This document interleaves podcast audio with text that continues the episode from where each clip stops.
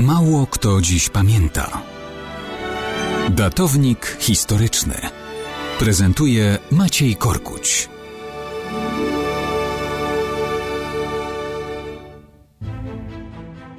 Mało kto dziś pamięta, że w weekend minęła rocznica 3 marca 1961 roku.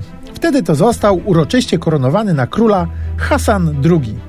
Był to król Maroka, który wywołał piaskową wojnę. Co przeciętny Polak wie o historii Maroka? No, niewiele. To znaczy nic. Co wiemy o Hasanie II? Także niewiele.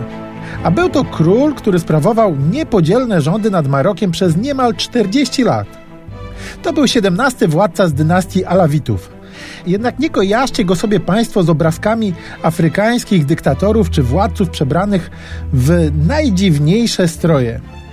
To był starannie wykształcony doktor prawa, występujący w eleganckim garniturze, zadbany, pozujący raczej na ceniącego się multimiliardera niż króla z koroną na głowie. Maroko niepodległość uzyskało zaledwie 5 lat wcześniej.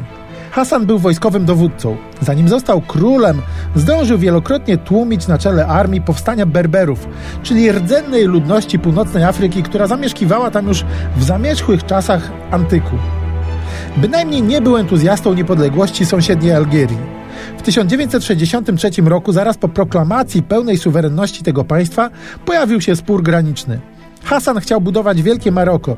Kiedy pojawiła się okazja, uderzył, aby poszerzyć granice o bogate w złoża mineralne regiony Tinduf i Bashar. To ziemie w swoim czasie zagarnięte przez Francuzów, którzy Algierią władali. Hasan miał nowoczesne uzbrojenie, ale to Algierczycy byli świeżo ostrzelani w wojnie przeciw francuskim kolonizatorom. Ofensywa marokańska była nieudana. Mimo ciężkich walk o Tindów i rejony położone na skraju Sahary, to Algierczycy byli górą w tej wojnie. Do historii przeszła ona jako tak zwana wojna piaskowa.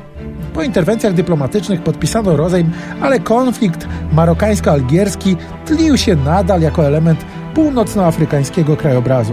W połowie lat 70. znowu doszło do walk, których tłem było włączenie do Maroka Sahary Zachodniej i tłumienie buntów wspieranych przez Algierię właśnie.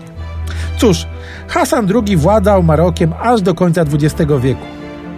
Za Algierią nie przepadał, ale jej pogromcą w piaskowym konflikcie nie został.